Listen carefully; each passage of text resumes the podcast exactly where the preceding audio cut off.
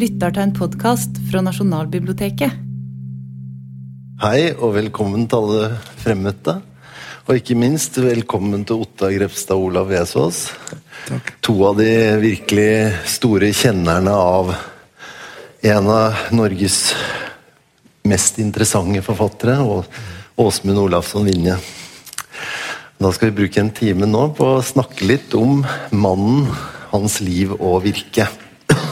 Tenkte aller først eh, tenkte jeg skulle spørre dere bare rett fra levra og direkte. Altså, Åsmund Olavsson Vinje, hva er Hvem er han? Hva er han for dere? Ja, spør du meg? Jeg spør deg først, jeg, Olav. Ja, For å gi et fullt svar på det, så da kan de andre to reise hjem. For jeg, bare ta det, du. for jeg trenger minst fem timer på det. Også. Men han var, så, han var så sammensett, og han skifter som, gjennom hele livet. Så du får ikke samla han på en, i en formel eller et kasse eller noe sånt. Han protesterer hele tida mot noe slikt. Livet hans spennende så lenge han levde, og også lenge etter han levde. Så du får ikke noe ordentlig svar. Så vi får ikke noe ordentlig svar. Han lar seg ikke kasse inne. eh, Jeg Grønstad. prøver likevel. Jeg tar sjansen, Ola. Um, dette er ikke det- det han er for meg, men eh, for å forstå han, så ville jeg sagt han er eller han var individualisten som skapte et kollektiv. Uh, han var jo en ek-person til de grader. Men han uh, gjorde det på en sånn måte at det fikk varige følger. Uh, kulturhistorisk, språkhistorisk. Nynorskbrukerne hadde ikke vært det de er uten han. Og det hadde strengt ikke bokmålsbrukerne vært heller. Ja. Må vi utdype dette med fotnoter, syns du? Du, det går bra. Jeg tenker at det er et veldig fint eh, utgangspunkt. det. En som aldri nådde fram, som ikke ble ferdig, som ikke lar seg fange i et uh, klart bilde. Og en som et jeg som var Hva skal jeg si En individualist, men som allikevel fikk betydning for et helt uh, folk. Det er en bra start, det. Men hvem var han, og hvor kom han fra? Ja, han kom jo fra Vinje i Telemark, da, og det Det, mm, det la han jo ikke noe skjul på. Det det er derifra han har sin styrke som skribent, sier han en plass. Men han var jo liksom, sosialt sett så var han jo i husmannsklassa omtrent. Far hans var ikke ordentlig husmann, eller sånn husmann som det definerer på Østlandet, for han hadde ikke noe pliktarbeid. Far hans het Olav. Olav Plassen ble han kalt da. Og så gjennom eh, studier og kunnskap så klatra han oppover i, i samfunnet. Og han kom jo så høyt som han var gjest hos statsminister Sibbern i Stockholm. Det var liksom på toppen. Og så gikk han ned igjen. Og dette har han skrevet om sjøl. Så han havna vel til slutt sånn på nedre middelklasse, øvre husmannsplass-klasse. Ottar, Um, hva tenker du?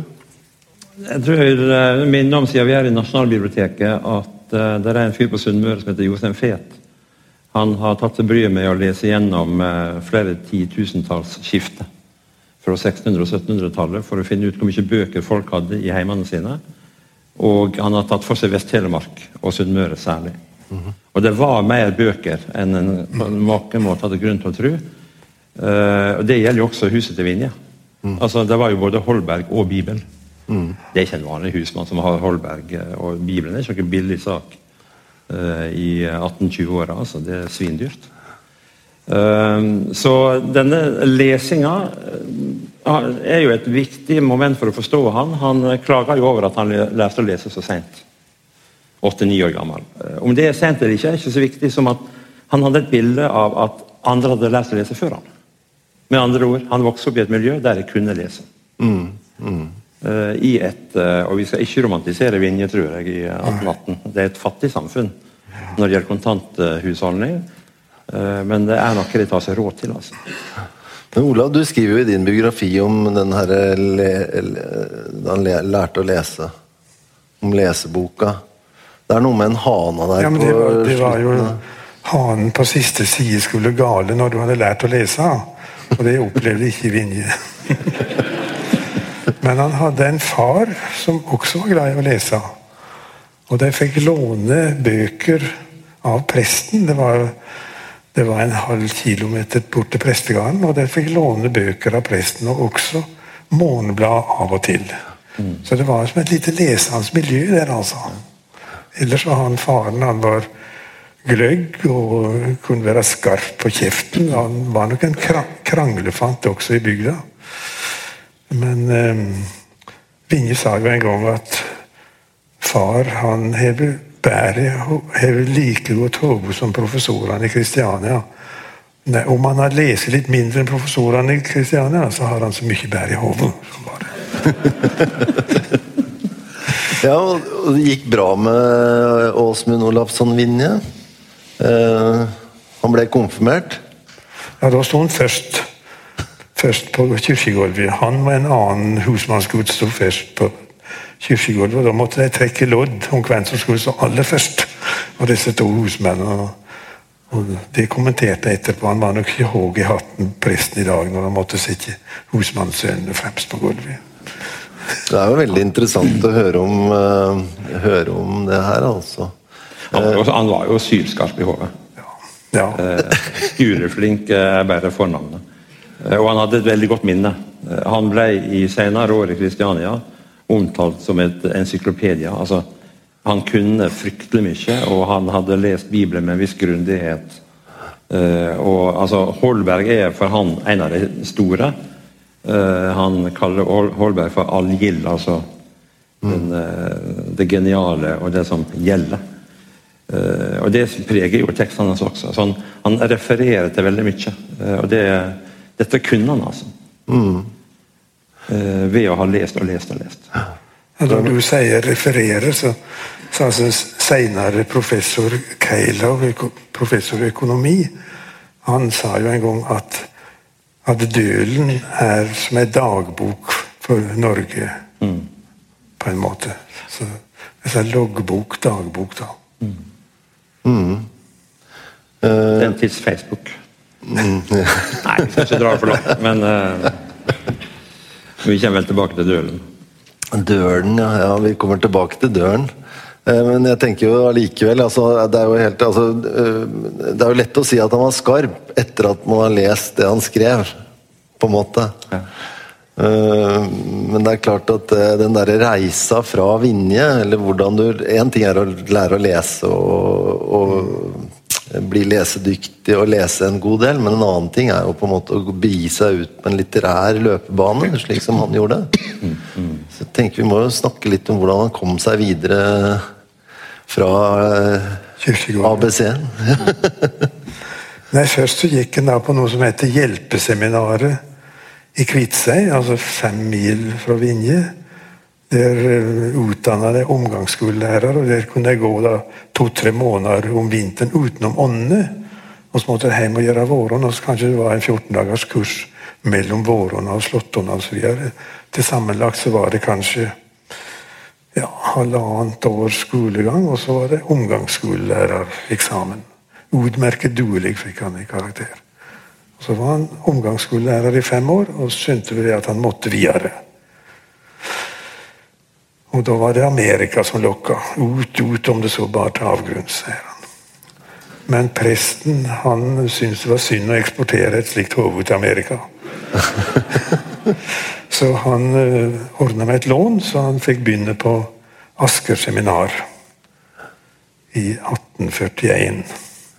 Og da var det to gutter fra Vinje som kom seg til Asker. Og de to guttene var de beste på opptaksprøva.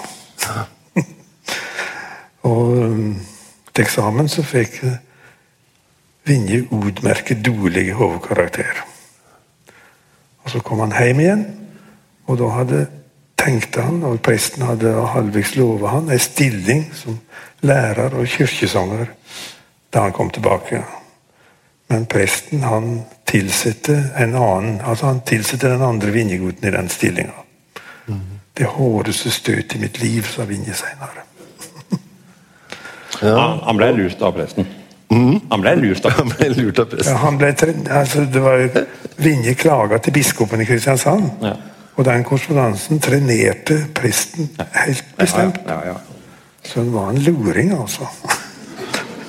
Og det kan vi jo være glad for, for kanskje hadde han blitt værende lærer av klokker i Vinje, og da hadde ikke dere sittet her i dag. Nei, men det ble han ikke. Han reiste Til Mandal. Til Mandal. Mandal, og, eh, og det er jo der han begynner å skrive offentlig. Mm. Eh, Det eldste brevet vi har, et, han er fra 1843, og eh, han sier sjøl Altså, I Mandal kom ut i avis med Mandal og Lister Amtstidene. Den eh, har sjøl ikke Nasjonalbiblioteket på langt nær komplett. Så det er noen, sannsynligvis en del tekster av Vinje som vi rett og slett aldri kommer til å se. For det fins ikke lenger. Han sier sjøl han skrev et dårlig dikt om 17. mai i avisa i 1845. Det er vel de eldste referansene tror vi har eh, av ting han har publisert. Vet om man kan få tekster der, og så eh, Han begynner fort å mene ting. Eh, og det gjør han jo i Mandal også. Den kan jo du få ta, Olav. Ja, han skrev jo liksom debattinnlegg i, i til et kommunestyremøte, og så refererte han debatter fra Stortinget også der. Men så går han jo fram på Riksarenaen og skriver lang melding av en bok som heter 'Kristelige fortellinger', som var skrevet av en prest som heter Knutson. Og Det var en slags lærebok tilleggslærebok i kristendomskunnskap. Og denne boka harselerte Vinje over. altså. Lær, meg, lær oss hvordan vi skal stå når vi skal be, osv. skrev Vinje. Men han skrev da den anonymt. Han setter bare en W som signatur. Og det var mange som trodde at det var Nicolai Wergeland som hadde skrevet den meldinga.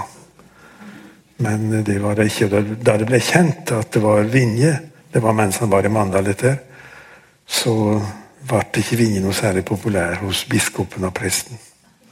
Og på denne tida er jo religion en del av skolen. altså Vi har ikke fått noen vestliggjøring av skolen. sånn at Han går jo rett i kjerna av den tids makt. Eh, og legges ut med en som også har en solid posisjon på Sørlandet. Eh, det er den første gangen. og Da mister han jobben, eller det gjør jo på den snedige måten allerede i 1848. da Han får ikke fornya vikariatet. Eh, men det er første gangen han mister jobben pga. meningene sine. Og det gjør han to ganger til. Det er ikke alle enige men Hva? De er ikke alle enige i, men eh, det kan hende det at det var for liten tilgang til elever, så det var ikke bruk for den ekstra. Ja da, ja da det, det var det de sa. Ja. Det var det de sa. Men, det Og er, det var veldig glad for at de kunne si det, tror jeg. Ja. men på mange måter så kan vi vel være glad for det òg, hvis vi først skal være glad for ulykker eh, i Vinjes liv. Det ikke ble med det. Eh, fordi det er, det er jo på den tida her det begynner å gjære. Absolutt, absolutt. Og da må han til universitetet. Han skjønner det at han må til universitetet. Med kunnskap, Ved hjelp av kunnskap så skal han komme fram i verden. Og han blir jo en som lovpriser kunnskap hele sitt liv. Og alt han gjør, er liksom det der opplysning, kunnskap. Det er overordna målet, altså. Ja, For da reiser han til Kristiania og tar en eksamen artium. Ja, altså Først så artiumen tok du jo på universitetet. Ja. Du måtte lære nok til å kunne gå opp til den artium. Da gikk han på Heltbergs studentfabrikk. Ja. Og Der møtte han jo både Bjørnson og Vinje. Og ble kjent med dem. Bjørnson, Bjørnson og Ibsen, ja. ja. Ja, ja, Ibsen, ja. Og, og dette er jo i, um, i 1849 han kommer i samme klasse med deg. Uh, og omtrent på den tida møter han også Ivar Aasen. Uh, fordi de to skriver et, et niddikt i lag om eh, redaktøren i, i Morgenbladet. eh, som ikke kommer på trykk i avisa, og som fører til at han kommer på kant med den redaktøren også.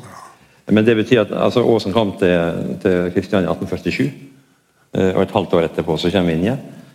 Og Det blir også en veldig viktig forutsetning for intellektuelle utviklinga hos, hos Vinje. Altså. Det, um, der Aasen blir den som gradvis setter han inn i det nynorske sporet. Uh, og uh, hva de har snakka i lag om, det vet vi jo sant å si ikke så veldig mye om. Altså.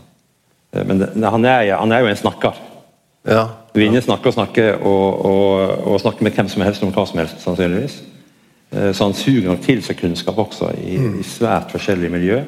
Han har vært eh, nok ute på landsbygda til å se hvordan livet er der. Han, han er veldig opptatt av håndverk senere. Han er ikke en teoretiker som, som går inn i de intellektuelle sfærene. Han, han hyller håndverket hele sitt liv, altså. Eh, men så eh, er det vel litt sånn Hvorfor han velger jussen, vet ikke Olav. om vi Nei, det var Hvor bevisst det var? det var vel fordi at det var en vei til karriere innen embetsverk osv. Det er jo litt uforståelig for meg at han valgte jussen, men, men han gjorde det. Jeg skulle jo tro at filologien lå nærere, men Ja, det skulle en tro. Og, og um, han, praktis- han tar jo uh, juridisk en- embetseksamen i 1856. uh, og blir praktiserende advokat, men uh, han kan ikke fordra å føre saker. Uh, så det blir ikke så mange av dem. Han var for snill, sa han. ja, og, og han, men samtidig skulle det passe han, fordi han var jo så flink til å se motsetningene i en sak. eh, og vege for og mot, og det skulle en tro at han som advokat da kunne ha fetert på. Men da var han jo for lengst skribent, først og fremst. Altså. Mm. Det er jo en, eh, altså det er viktig å huske på Det er jo en helt fantastisk tid. Det er jo en tid hvor det skjer veldig mye ja. rart. Du har jo hatt eh, februarrevolusjonen i Frankrike i 48. Du har eh, I 49 kommer Arbeiderforeningens Blad med Markus Trane som redaktør. Vinje skriver så vidt for Folkets Røst, som er en eh, som er en radikal avis i Drammenstraktene med eh, diskuterer saken mot eh, eh, altså Harring. Har, Harro, Harro, eh, Som som, ble ble, utvist på, Utvist som en flyktning i våre dager. ja, utvist av et teaterstykke som visstnok da skulle ta til orde eller agitere for stats, eh, undergraving av statsmakta. Det er jo samme, litt samme som Trane ble satt i fengsel for. Ja, ja Eh, Jeg bare tenker på Det er liksom noe med de rammene der. Dette er jo, eh, Du nevnte kunnskapen og den opplysningstanken som, som Vinje målbærer. Og det må jo altså det må jo det- Jeg opplever i hvert fall at det er veldig tett knytta sammen. Altså Her er det et det er et nytt sosialt engasjement. Det er kampen for husmenn og arbeideres stemmerett som er hos Trane.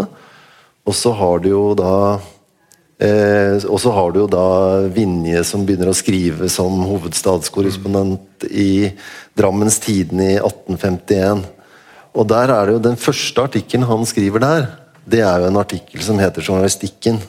Ja, om nasjonal Ja, Og det er i denne avisa han blir journalist. det er det, ja. Han har drevet med skriveøvinger, må vel kunne tillate seg å kalle det meste, eh, i tidligere blad, men i Drammens Tidende blir det alvor. Eh, Og han blir jo betalt for dette, eh, og han har sikker inntekt. Det mener jeg er en ganske viktig del av det å forstå hans posisjon, fordi mm. han skulle også leve. og, og samtidig er det jo en Ja, det er journalistikk, men det er jo, han er jo først og fremst en kommentator. Ja. Dere må jo ikke stole på han som referent. uh, han blir jo kalla forbilde, eller den første moderne journalisten, og det er veldig tvetydig kompliment til, eh, til dagens journalister, for han er eh, veldig upålitelig, egentlig. Men han er veldig skarp til å gripe saker og forstå hva de handler om, eller for, sin måte å forstå dem på. da. Det er nok uh, hans originale innfallsvinkel til, uh, til sakene blir hans eh, profil. Og det Eh, Det gjør han mesterlig i, eh, i Drammens Tidende. Eh, Samtidig er han i 1850-åra en dyrka taler i Kristiania. Og det tror jeg er en svært viktig del av det å forstå hans posisjon. fordi eh, Nå husker jeg ikke hvor stort opplag på Drammens Tidende var, om vi vet i det hele tatt. Eh, men det er klart han nådde jo uhyre mange med sine taler. Og i det ligger det en muntlighet. Eh, som kanskje også har hatt sitt å si for måten han skrev på. Det er ikke alle tekster av Vinje som er like lett å lese i dag heller. Eh, det er ikke det, men han, eh, han, blir, han blir journalisten i Drammens Tidende, og han utvikler sin skriveevne og sin evne å bruke språket på fram mot han begynner med døden i 1850. Jeg bare tenkte, vi har, Nå har vi jo eh, Kan jo nevne det at eh, Norsk språk- og litteraturselskap eh, ved professor Jon Hårberg og Nina Evensen i Norsk språk- og litteraturselskap de har jo transkribert de her bevarte artiklene fra Drammens Tidende. hvor Det er, det er altså snakk om drøyt 500 artikler som er bevart, av det man antar var 700 artikler som han skrev. Han skrev jo da to til tre korrespondanser, altså brev fra Kristiania, som ble trykt i Drammens Tidende fra 1851 og fram til 1858-59. Eh, og det, det det ble fortalt eh, meg, er at hvis du hadde utgitt de her korrespondansene i vanlig bokformat, så ville det ha utgjort 1700 sider. Sånn at det er et veldig er, Man må tenke at dette er et veldig svært forfatterskap. Ja. Og da har vi ikke engang kommet til døren. Nei. Eh, eh, det er jo litt for å bare forstå liksom hva slags skikkelse er det Vinje er. Eh, altså den journalist, altså I journalistikkartikkelen hans så skriver han jo det er jo en, For det første så er det et veldig flott essay altså i seks deler om journalistikk. Og hvor hovedpoenget hans er at journalistikk og frihet eller, er tett knytta sammen. Han spør hva skal en journalist være, og svarer at journalisten skal være en lærer for folk og stat. Stå, han skal stå på kunnskapen og vitenskapens høyder. Og som en lege forordne de beste medisiner. Ta pulsen på nasjonen og forordne de beste medisiner. Klart Dette er en moderne mann, er det ikke det? Ja. Jo, jo, jo. Og det er jo derfor han kan leses i dag. Det er ikke så mange som skrev journalistikk på 1850-tallet som du leser frivillig i 2018. Nei, og det, er, og det er fantastisk underholdende. underholdende altså bare det, altså Den digitale utgaven av Drammens Tiden, altså korrespondansen der, er utstyrt med eh, tematisk eh, tittel, sånn at du kan se hva han skriver om. og det er altså Bare å lese hans eh, kommentarer til Romeo og Julie, fram, eh, altså framvisninga i Kristiania på 1850-tallet, er vidunderlig. altså Han radbrekker jo de her stakkars skuespillerne som prøver å eh, formidle Shakespeare på dansk. Eh, og etter hvert og etter hvert så er det jo målsa... Altså så er det jo språket en, blir, det, blir jo også en del av den her frihetstanken. Men eh, altså, alle disse tekstene, i hvert fall det som de kaller korrespondanse, står på side én. På Usignert. Ja. Ja. Det, og det gjør jo at han av og til eh, lett kan sitere seg sjøl. Og eh, av og til også kan vi skade for å nevne at eh, en tale vekter bifall. og altså, han, han er sin egen referent. Ja da. Og han var- skulle snakke eller tale i et russe, en russefest en gang, og så var han så dårlig. Eller så skrev, skriver han at Nei, altså, taleren var ikke opplagt, så, men talen kommer i neste nummer av Død. Ja. Jeg tenkte altså eh, Tida i Drammens Tidende eh, I 1859 så tar han jo da farvel med leserne i Drammens Tidende, og, og begrunnelsen er veldig klar og tydelig. Det er at det, det danske språket er fremmed for han.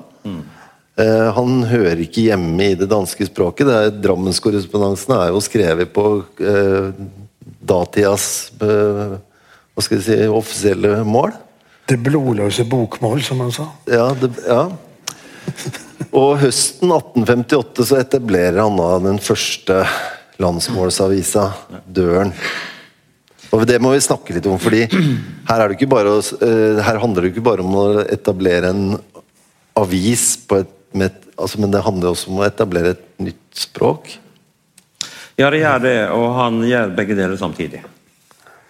Eh, Han eh, Jeg liker den tanken at i 1850-åra så er det eh, altså Det er ikke mange språk vi vet hvem var den første brukeren.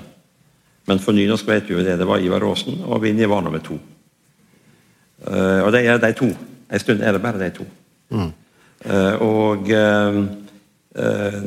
er jo Aasen, som skal få sin del av æra for at Vinje går over til nynorsk, eller landsmål, som det da ble kalla. Eh, og så er det Vinje som får Aasen til å skrive mer nynorsk. Det er ikke så mange som er klar over, kanskje. Eh, for Aasen skrev jo stort sett på dansk, eh, unntatt poesien. Der dikta han bare på nynorsk etter 1850.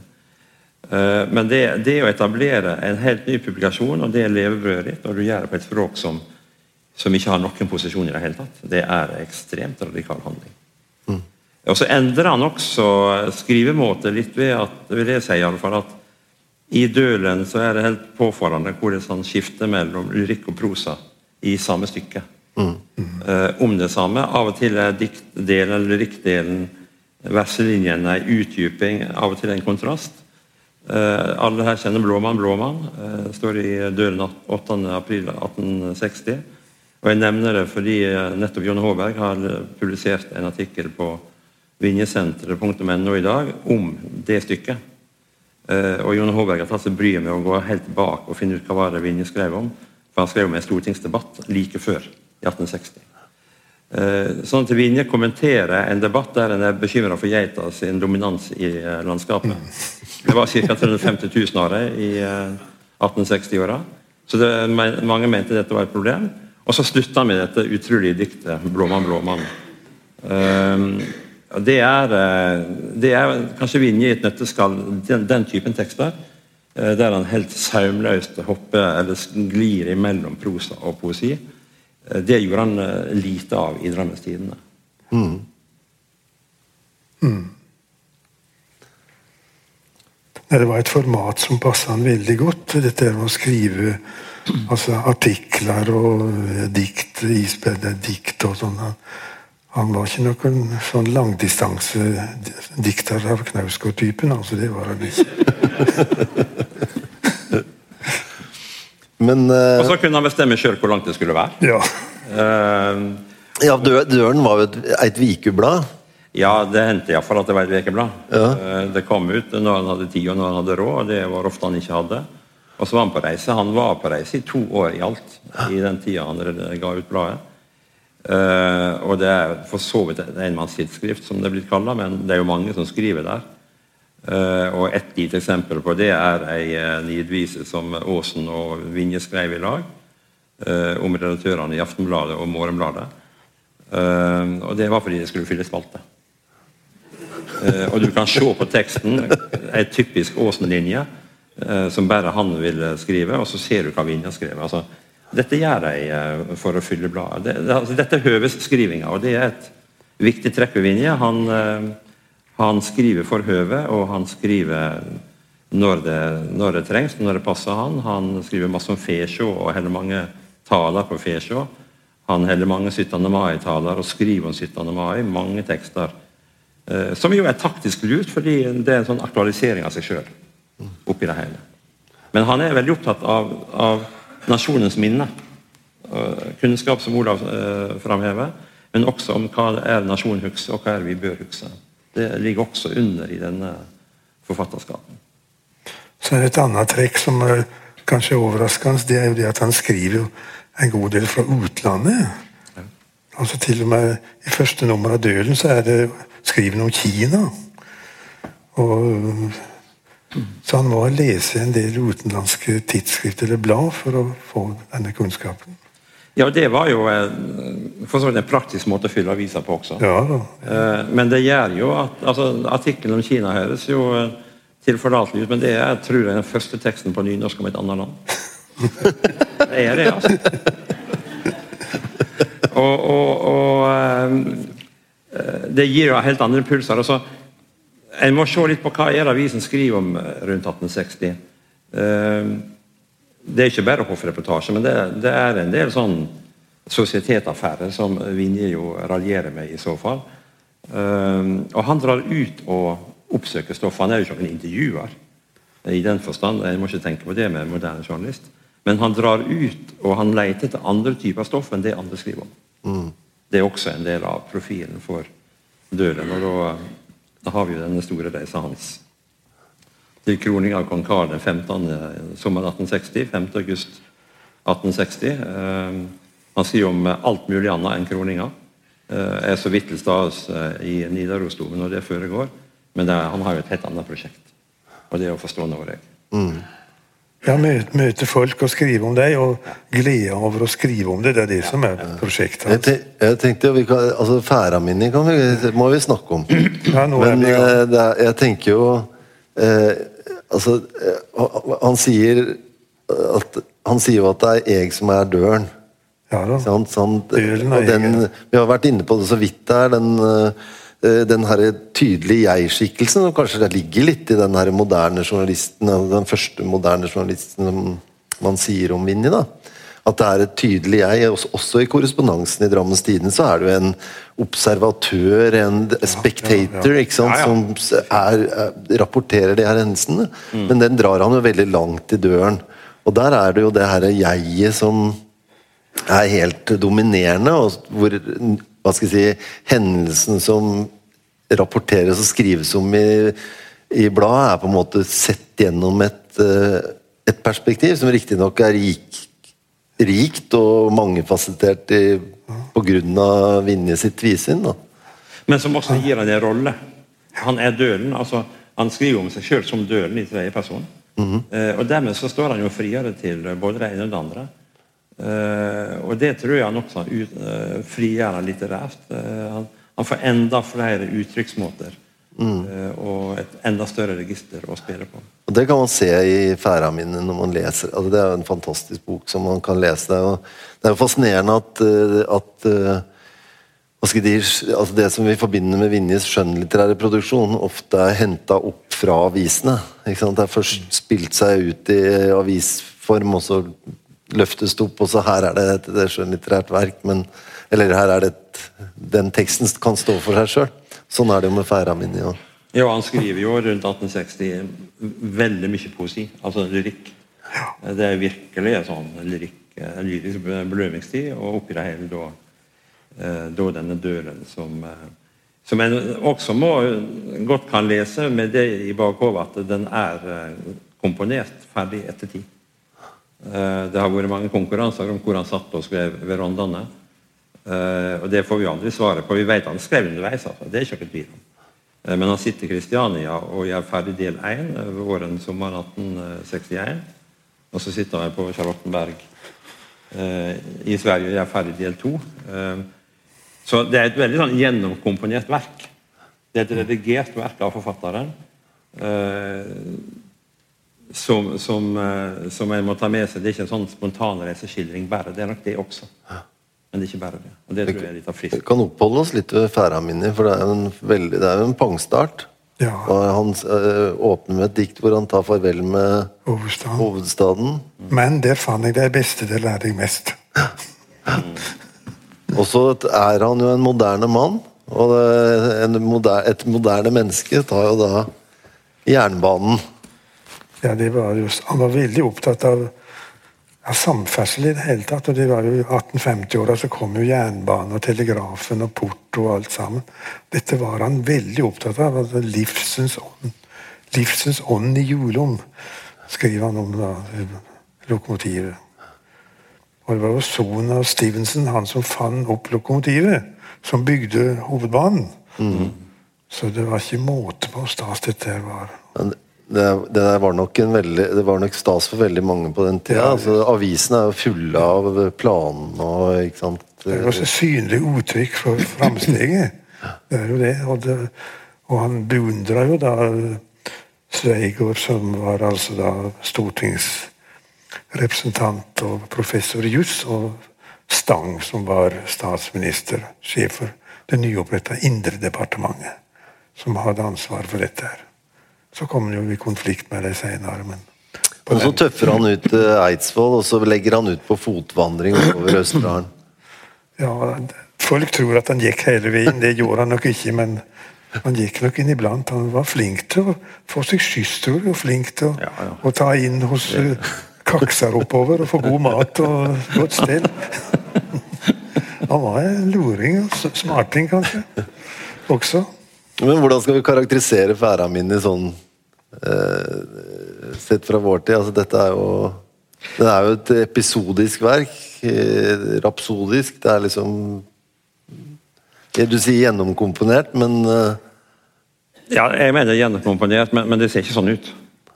Eh, det ser virkelig ikke sånn ut, og det er vel litt av styrken nå. Altså, nei, 'Færa minne' vil jeg si er et, eh, et av hovedverkene i norsk litteratur i sak og skjønn uansett, og det er ingen som har vært i nærheten av å gjøre det en gang til. Eh, det er i seg selv interessant, for noen har prøvd. Eh, men det er jo altså, det er journalister som har reist i hans fotefar osv. Det eh, skulle kanskje heller lage en helt annen reise og ikke prøve å kopiere Vinje. Men det er det at han har et enorme litterære uttrykksspekteret. Fra den vareste poesi til den mest raljerende herjing med folk. Og, og han Han jamfører jo i hytt og pine. Uh, han er rask på labben med å jamføre. Altså, han, han tør så mye. Uh, og, og, det kan han jo det gjør, jo denne friskheten som og Det gir mening den dag i dag, og, og det ligger under en sånn glede over modernisering av landet. Jeg likte også det du sa med å liksom minnes ikke sant? Det der med å hva skal jeg si, notere ned landet. Eh, eller huske, ja, ja. Liksom huske den nasjonen han lever eller det landet han lever i. Da. Og Jamføre landskapet. Husk på uh, en liten linje til Åsen. fordi Da Åsen la ut på sine reiser fra 1842, så hadde han sittet som ungdom på Sunnmøre og lest gjennom et uh, sekspinnsverk om Norges topografi. Halvannen gang. Han leste først én gang, så begynte han å og daus en gang til. Så han, han kunne jo fryktelig mye om hva han kom til. Uh, Vinje kunne også mye, men jeg tror Vinje har mer av det hva det kommer til nå. Mm. Som han ikke nødvendigvis vet så mye om. og Det, det er den der uh, nysgjerrigheten hans som du kan merke i teksten. altså glede, og han, han kan juble over hvordan landskapet er her og der, og, og. Og dette er jo på den tida da det norske landskapet endrer karakter. fordi fjellene var jo fram mot 1850-åra stygge og farlige. og Altså det, roman, det kontinentale landskapet med avslepne former, det var det som gjaldt. Uh, men så kommer uh, fascinasjonen for det ville. Uh, og vi er midt i denne brytinga. Også det er en sånn brytingstid. Og ikke bare landskapet, men også seder og skikker og folkeferd ja. som man passerer. Da. Ja, den er jo veldig kritisk. altså Den nasjonale griseskapen, som han skriver om, f.eks. Altså. Han er på besøk i Telemark på 1853. Da er det kolera i Kristiania, så da rømmer han byen til Telemark. Og skriver om dette i Drammens Tidende. Og det er så stort og flott det blitt i Telemark, for nå er det dampbåt. Han kan gå ned på brygga på Strengen i strengen og se, og se på dampbåten. De som tviler på framsteget, kan gå og se på dampbåten. Men ellers er det deler det gaffel og så videre på, på gårdene. Jeg har ikke kommet lenger at de har hver sin gaffel. Men de er, er, flinke til å holde på språket sitt. Det, det skal de ha. Nei, altså, han var jo veldig flink til å fargelegge det han skriver personer. Altså, det er jo noen personer i, i ferdene mine som Olav Håkenstein Vågå, f.eks., med 60 år gamle skinker på stabburet. Det er jo Og Grauten på Grot er et annet eksempel. altså Det er stor som opp fra grauten så det skrapa ned gjennom halsen Han de svelgde grauten. Så det jeg var på Grot en gang og skulle lage radio. Jeg, la, jeg laga Vinjes fotspor av Færamine-program. Og da var jeg på Grot og skulle intervjue to gamle damer der, men de var ikke veldig villige til å snakke om grauten, altså. Det var det ikke. Men det er også i Færamin eh, Det er gjort en undersøking faktisk så tidlig som i 1968-69 av ordforrådet. En datamaskinell mm. Lesing. Og det er et enormt stort ordforråd i Færraminnet. Um, som også er med på å gi dette den litterære kvaliteten. Uh, han, og det at han greier å skildre ting på så veldig forskjellige måter. Uh, nei, det er en prestasjon. Uh, så var han jo flink til å finne på nye ord for framandord. Altså for dessert så kaller han det for attpåslikk. og eh, paradoks, det var tverrdømig tverdømi. Og flåghvit for geni. Det er jo gode ord, men det har ikke slått igjennom. Men Dagsnytt slo igjennom. Det var Dagsnytt slo igjennom, ja. det sto i Dølen i 1859 i overskrift. Ja. Dagsnytt. Ja. Og grasrot brukte han. Ja. Den friske grasrot. Det var jo et ord som ble veldig mye bruka i, evstriden. da. Men sant, dette er jo i den, altså Han leter etter ord, for det er et språk som skal eh, utvides i sitt repertoar, nemlig nynorsk. Og det er mange ord som ikke er laga ennå. Altså, han finner ikke dem i talemåla. Uh, en del begrep, så han prøver å lete etter dem og lage sine ord. Så, og så bommer han av og til, definitivt, men han treffer jo da altså veldig godt av og til også. Mm. Uh, og så er det ord som vel festa seg en stund, som forsvant igjen. Uh, Einbåt uh, tror jeg var mye brukt i nynorsk en stund, men så forsvant jo det helt. Men, men han var altså oppi dette hele færaminnet og, og som posisjonerer han så kraftig, så er han jo en gjennomført språkpolitisk litterær aktivist. Mm. Det er viktig for han at nynorsken skal brukes. Og Reidar Djupedal, som en av de store kultur- og litteraturforskerne på 1900-tallet, sa en gang at Vinje var Åsens utenriksminister. Eh, det er en veldig god karakteristikk eh, av dette, for Aasen eh, trekte seg tilbake fra de offentlige debattene. Det skal ikke en skulle Vinje for å ha gjort. Nei, han, så Aasen hadde Innenriksdepartementet, som ja, er, er formverk og grammatikken, det da? ja, ja, ja, han laga systemer, og, og det Ja, det Og det dikter på to forskjellige måter. Nå ser jeg atter slike fjell og daler. Skriver Vinje, mens Aasen skrev 'Han så ut på det våre ut av havet'. Altså Aasen er distansert. Han har noe eget dikt, han men det er ikke så mye av det. Aasen dikter i, i tredjeperson, mens Vinje bruker jeg-person. og Det er ikke nødvendigvis han sjøl, men, men, det blir en nærhet i det også. Altså. Jeg tenkte Vi må liksom innom noe flere enn journalisten og hva skal jeg si, reiseskildreren. Reportasjeforfatteren. Eh, altså Som kritiker så var han jo helt rå. Eh, altså Der la han jo ikke noen ting imellom. Nei. Bjørnson fikk jo smake det. Ja, ja ikke sant? Han, han, han, skrev om Bjørnsons Arne. Og, og Vinje kalte det skalk, skalkeherming, altså en ironi på vår sokkeløse kjærleik, sammenlignet med Peter, med Johan Herman Wissels 'Kjærlighet uten strømper'. Ja, for, han, det var ikke slik at, han, at uh, Vinje da hadde ordlagt seg kritisk om et verk av Ibsen. Og så skrev Bjørnson til Vinje og håpa at han ikke skulle fare like hardt med han, og det var vel noe av det dummeste Bjørnson kunne ha gjort. det var jo en invitasjon.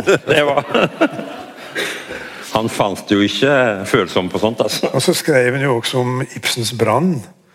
Det er jo dette brannkorpset, og det var Nei, det syns han ikke noe særlig om. Nei, det er jo nødt til å være en komedie. Ja. ja. Og Brann var så, han var så galen at han kunne ikke tas på alvor. eller noe sånt. Det var ikke... Og Dette er jo et lite miljø i Kristiania, ja. og Vinje våger å stå for det. Altså. Ja, det er de han har studert med ja, på helt ja, ja, um, og de, de, satte jo pris på en uh, kamp, det var ikke det. Men, men det ble ikke noen sånn uh, harmonisering fra Vinjes side. Uh, som du godt kunne forstå om det ble ja. i et så lite miljø. Bare for, bare for, å gi litt inntrykk av omfanget, så er jo den anmeldelsen av Arne den går jo da over tre, ja, tre, nummer. tre nummer i døren. Ja. Jeg tar det grundig, altså. Det er jo en fest å lese. Altså, det, det, er jo få som er så morsomme når de er infame og fandenivold... Altså, han er jo det er jo et, en energi der som ikke ligner på noe annet. Uh, Wergeland og Welhaven skriver også om han liker jo Welhaven bedre, for der er det orden og klassiske rim og greier. Mens hos Wergeland så er det jo serafer og budeier og rot og om en annen, altså. og en, en, annen del av Vinje som jeg syns vi må snakke litt om, er jo, det med, er jo poeten. Altså, fordi han er jo også kjenslevar og lyrisk. Eh, han er jo ikke bare satirisk. Nei, han, har jo, han dekker jo hele spekteret fra nidvisa og nidiktet til den virkelig største klassiske poesien som står så, som fjell den dag i dag. Uh, og han skriver i mange verseformer og mange rytmer. og han, Det ligger en sånn kunnskap om tradisjonsdiktninga under hos han. Eh, han er jo musikalsk. oppi det hele. Og Men det, der mener han jo mindre. Han mener jo mye mindre i, i lyrikken, når vi ser bort fra Nidvisen og det styret der, og Høves diktninga det er, ei, det er enormt sprang ifra Hvis du tar, og det gjorde Vigdis Systad på i et foredrag i Vinje nå 20. april. Hun tok noen få linjer fra Wergelands 'Skapelse, mennesker, Messias', og så la hun Vinje etterpå. Mm. Det er jo ikke samme klode. Og det er jo ikke samtidig så er det iallfall altså, Skal du lese, forstå hvor radikal Vinje, så se litt på hva det ble skrevet i, i den samtida. Altså. En ting er vel, velhavende, er største, men, men den jevne poesien på den tida, det var mye klingklang. Mm. For oss i dag. Mm. Og så skriver vi inn i dikt som ikke er det. Mm. Poetiske herbarier kaller Vinje det. Ja. Og Han debuterer med en diktsamling eh, som heter Dikt eh, 1864 på 232 sider. Mm. det er jo i seg ganske solid. Eh, Olav Aukrust debuterte med 300 sider. det var det to. Men den er, den er tospråklig, hadde jeg nær sagt? Ja, den, ja da. Han har med noen danske også.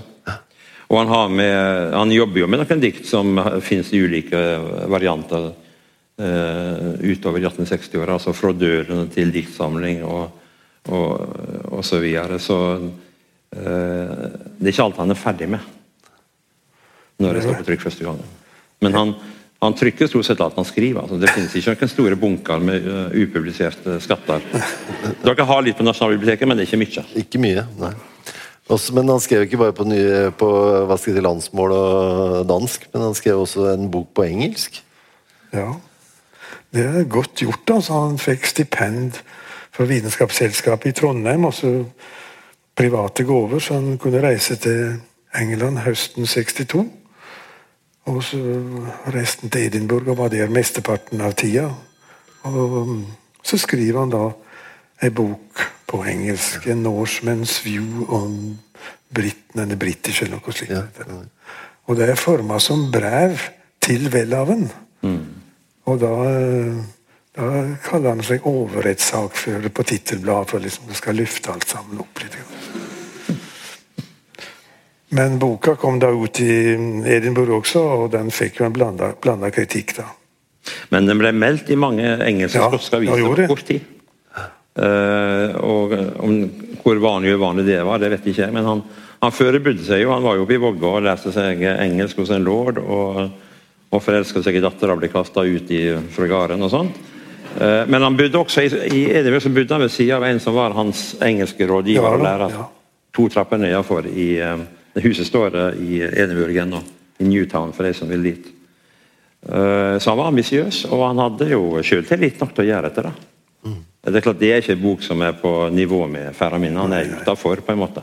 Mm. Um, og Der har han da et appendiks om den norske språksituasjonen som ikke ble omsett da den boka kom på norsk uh, i 1873. Uh, det er ikke stila til Welhaven, men det er helt tydelig at det er skrevet for norske lesere. Mm. Det appendikset der er ikke det mange engelskmenn som har hatt mye utbytte av. Eh, men det er noen interessante ting der, og der skriver han mest utførlig, faktisk. Ikke mye, men, men en del om Ivar Aasen. I en veldig respekt. Mm. Han, han, bruker den boka til å introdusere Ivar Aasen for et engelskspråklig publikum. Eller være med på det. Så det er, det er en fascinerende bok, altså. Kanskje ikke så rart, altså, fordi det er, det er vel muligens knytta en viss stolthet til det arbeidet. Bare tenk på Ivar Aasen sitt prosjekt var jo også et sånt nasjonalprosjekt som gikk på å samle inn prøver av landsmålet mm. og utarbeide et formverk og Altså det var, hadde en lingvistisk side, da, for å si det sånn. Det var jo veldig mange som ble hardt kritisert av Vinje, men det var en som aldri ble kritisert, og det var Ivar Aasen. Ja. Og den andre var Gud. Mm. Jeg tror ikke Holberg heller fikk så mye kjeft. Jeg tenkte på uh, Vi nærmer oss Men, han, han Men Du nevnte, du nevnte selvtillit i samband med dette at han ga ut en bok på engelsk. Da han kom tilbake fra dette englandsoppholdet sitt, altså sommeren 63 så de åra etterpå det var noe av det vanskeligste åra for han Da er han borte fra ligningsprotokollene i Kristiania. Da er han, da er han ikke kommet høyt opp på en inntekt, så han kan komme med. Og da var han veldig langt nede. Men han tenkte da med samme han kom fra England, at han skulle skrive på engelsk. Jeg kommer vel til å dø i verdensspråket, skriver han en plass. Veldig sånn oppreist, altså. Men så fikk han altså slått, ble han slått ned da han kom tilbake. Og så fikk han jobb i departementet som sekretær Justisdepartementet. Var det vel? Og- Benådningskontoret. Benådningskontoret, ja. Der er han i tre år, og så driver han jo med Dølen samtidig. Og eh, det kan jo ikke gå bra når redaktøren i Dølen kritiserer sin egen arbeidsgiver. Eh, og blir kalla inn til departementet samme morgen eh, omtrent, altså. Eh, så da får han fyken for tredje gang så han er ute i. Eh, det er et kritisk punkt, eh, fordi i altså, Jeg skal ikke mase så mye om Åsen, men Åsen hadde jo fast inntekt nesten hele sitt voksne liv. Vinje hadde det i halvparten av den tida var i Kristiania. I 11 og 22 år. Det er et sårbart liv. Men så kommer han da med, med fantastisk epos 'Store gutt' i 1866. Ny utgave i 1868. Bare det å gi ut et epos i ny utgave, og det er en del litt endringer i hvert fall, i 1868. Som er, har jeg regna meg til, eh, en diktsamling som ikke så veldig mange har nådd opp i når det gjelder opplagstall. Den er trykt i 80 000 eksemplar eh, siden den gangen. Uh, Bjørnson er nok trykt i mer og sånt, men, men det er mye, altså. Og den, eh, dette, I Telemark lever jo store Gud-tradisjonen, har jeg merka veldig sterkt. Ja, da da jeg var guttunge, så Kona til forpakteren vi hadde, hun sang jo storgutt storguttviser. Og likeens ja, og på Vesaas også. altså Slåttekarene der kunne mange disse storguttdikta utenat. Så de sang det på gamle folkemelodier. altså. Så han, han levde nok. Og der er det da eh, dikt som eh, Nordahl Rolfsen hentet inn i sine leseverk fra 1890-åra, og som gjør at eh, i 50 år så er Store Gutt-dikt en del av eh, folks tilgang til, eh, til Vinje som forfatter. Som også betyr mye. Men Store Gutt er et det er også ambisiøst, altså. Det er et epos i en, om ikke den homeriske tradisjonen, så i alle fall. I et stort format. Han kunne skifte fra to linjer til ei tjukk bok altså, som skal henge opp. Vi nærmer oss slutten, men jeg tenkte vi må jo snakke bitte litt om Vinje sin betydning. Eh, altså for, altså for Både for nynorsk litteratur, men også for norsk litteratur i det hele tatt. Altså, eh, altså den altså, hva, Hvilken betydning har Vinje i dag? Ja, det er en plattform, har vært en plattform, eller utgangspunkt for veldig mange skribenter da, oppover. Altså i journalistikken, esaistikken, altså du har Kjem Garborg, Tor Jonsson, Kjartan Frøgstad den essay-tradisjonen. Den, den er helt åpenbar, ja. men eh, kanskje var den viktigst i de Dette er litt sånn eh, gjettverk her og nå, men 2030 første året etterpå, altså fram mot 1900, for det var ikke så mange som skrev på nynorsk. Og så kommer det en sånn meister som dette. Det er klart det gjorde noe. Og det er ikke bare dikting, men det er også sagprosa. eh, I mange former. Eh, Og det blir et veldig viktig holdepunkt for de som etter hvert har i bruk nynorsk. Og det, jeg tror det var kanskje den viktigste rolla hans i den tidlige fasen av utviklinga av en nynorsk skriftkultur. Mm. Nå står han som en eh, som et sånn litt uoppnåelig førebilde på en måte, men altså eh, Og mer beundra og respektert. Men eh, det er jo ikke så mange som prøver å skrive eh, sånn som et ekko av Vinje. Det er ikke der han er, altså. Men han viser jo vil jeg si indirekte for hva det betyr å være en moderne dikter i sin tid. Det greide han å være. Og det er ikke så selvsagt som det høres ut, fordi hvordan skal du gripe tida di, altså? Det greide han. Det er, ja, det er lett å glemme akkurat den derre altså For sin tid. Altså, bare tenke på Det er 200 år siden han ble født. Det er født i 1818. Til sammenligning så ble da Søren Kierkegaard født, født i 1813. Samme året som Camilla Collett. Eh, så det er jo Wergeland er det når er det, det er jo 1808, det. Mm. Så det er jo gamle folk. Eh, og, så, eh, og, og, og jeg, bare, jeg bare tenker, bare for å minne om hvor, altså, hvor altså, Når du leser Vinje, så opplever du at du leser en moderne forfatter. Ja. Han rører på seg, som det heter i Sverige. Og ikke minst, og ikke minst gjelder det i døren, altså i, Ja. altså i landsmålsbruken.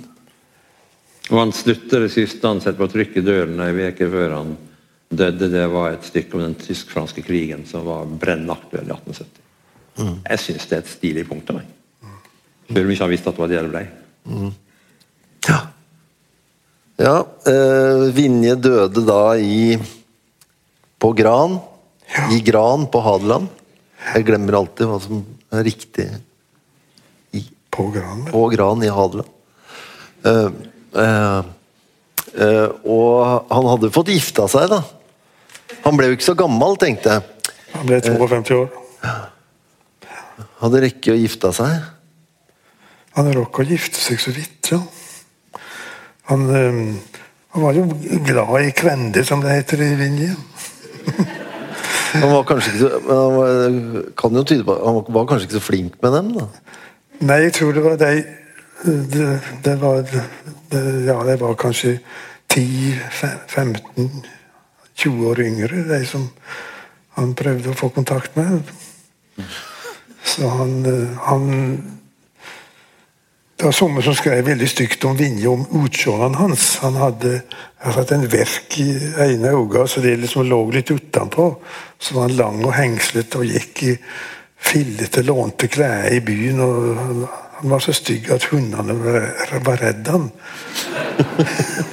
Blir det sagt. Men eh, samtidig, Olav, han, Så, hadde han så var han så god på kjeften. han var god på kjeften og var en fantastisk eh, framfører av Ja, egne og andres Ja, eh, dikt. Så hvis kvinner var interessert i dikt den gangen òg, så hadde det jo vært en mulighet der. Ja. Tusen hjertelig takk, Tusen hjertelig takk for en hyggelig samtale om Åsmund Olavsson Vinje.